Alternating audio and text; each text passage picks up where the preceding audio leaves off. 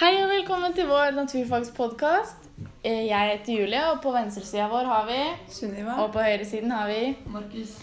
Eh, Vi kommer til å snakke litt om menneskers påvirkning på eh, økosystemene og hvilke konsekvenser dette vil ha for dyrene. Vi kommer også til å ta opp noen tiltak som kan hjelpe både mennesker og dyr i denne situasjonen. Og vi kommer til å ta opp noen eh, konflikter som har oppstått ved disse tiltakene vi eh, framstår.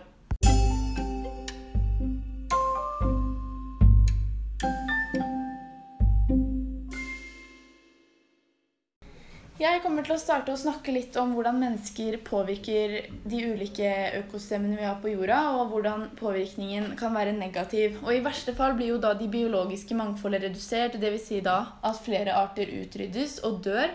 Og da vil jo ikke de senere generasjonene våre få se disse artene.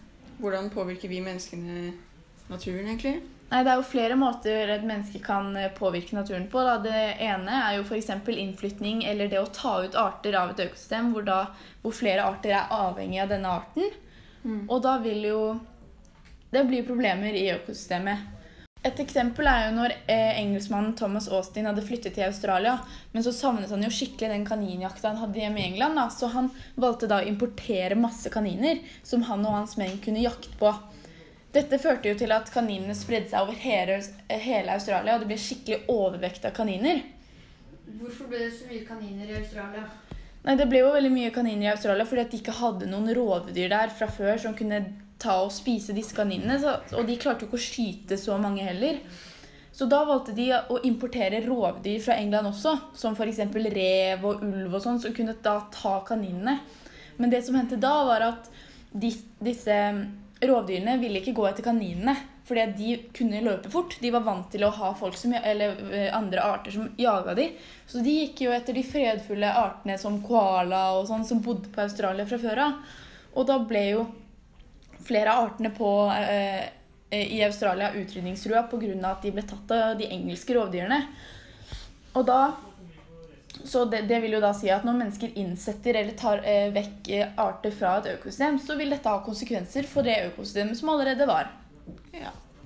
En annen måte vi mennesker kan påvirke økosystemet, er jo når vi bygger ting i naturen. Sånn liksom når vi bygger veier eller setter opp gjerder, bygger store hus, parkeringsplasser.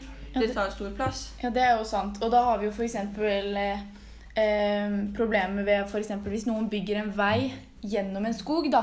Og en skog er jo et økosystem hvor det lever mange arter sammen. Så hvis man bygger en vei gjennom en skog, så vil jo det da skille f.eks.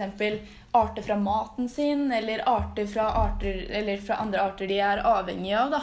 Og da vil jo menneskebygde konstruksjoner ødelegge økosystemene våre. Men jeg mener at industrien er veldig viktig for at vi skal fortsette med den økonomiske veksten vi får nå av å ha et solid forbruk og en glødende industri.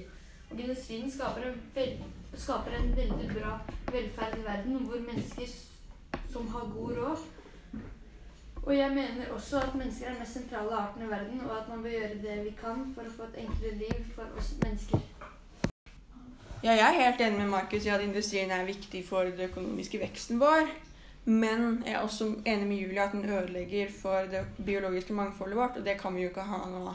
Nei, Vi må jo ha en løsning som da både dekker den økonomiske veksten for mennesker. altså Vi må passe på at menneskene har det livet de trenger. Men vi må også se på dyrenes behov, da. Ja, En løsning på dette kan jo være å bytte ut ikke-fornybare energikilder, som olje, som tar flere millioner år å lage, og som forurenser lufta vår veldig mye, med fornybare energikilder. Men hva er egentlig fornybare energikilder? Jo, fornybare energikilder er jo for energikilder som fornyer seg selv kontinuerlig. Og de mest kjente er jo da sol, vann og vind. Og i Norge bruker vi vann veldig mye, og hele 95-100% av energibehovet vårt blir dekka av vannenergi. Men hvorfor bruker ikke alle land vannenergi når det er så bra? Jo, dette er jo fordi at ikke alle land har mulighet til å utvinne energi av vann. Fordi de har ikke, de har ikke vann. Altså at alle, alle land er jo ikke forma sånn som Norge, med høye fjell og hvor vannet kan renne ned i eh, elver og bekker. Så da må disse landene utvinne energi fra de energikildene de faktisk har mulighet til å få tak i. F.eks. landet med tørke, da, der er det jo veldig varmt, og det er jo pga. de har mye sol.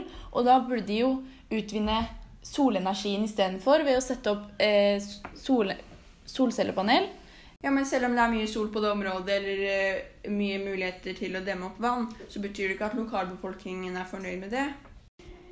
Ja, for det, da har det jo oppstått konflikter hos lokalbefolkningen hvor det har blitt eh, diskusjoner om å demme opp vann eller sette opp vindmøller. Og da Ja, som f.eks. Alta-konflikten, som varte mellom 1970 til 1980. Konflikten gikk ut på at de skulle bygge et vannkraftverk i Finnmark. Og de som bodde i nærheten, likte ikke dette og begynte å demonstrere. Noen legget seg fast til byggemaskinene og demonstrerte mange steder i Norge, og noen sultedemonstrerte.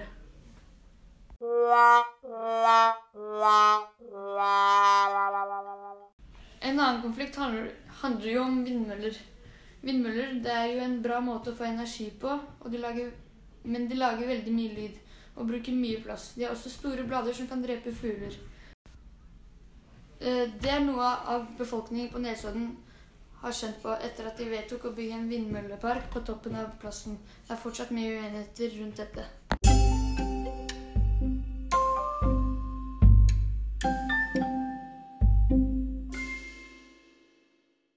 Som en konklusjon på alt vi har snakket om, er vi enige om at vi må finne andre løsninger som forurenser mindre når det gjelder industrien vår. Vi må kunne da begrense lokalbefolkningen for eh, å sette opp både vindmøller og demninger og lignende ting. Og så må vi passe på at dyrene også har et fint sted å bo uten å bli påvirket av for mye menneskelig aktivitet. Og vi må også klare å beholde den økonomiske veksten vår. Takk for oss!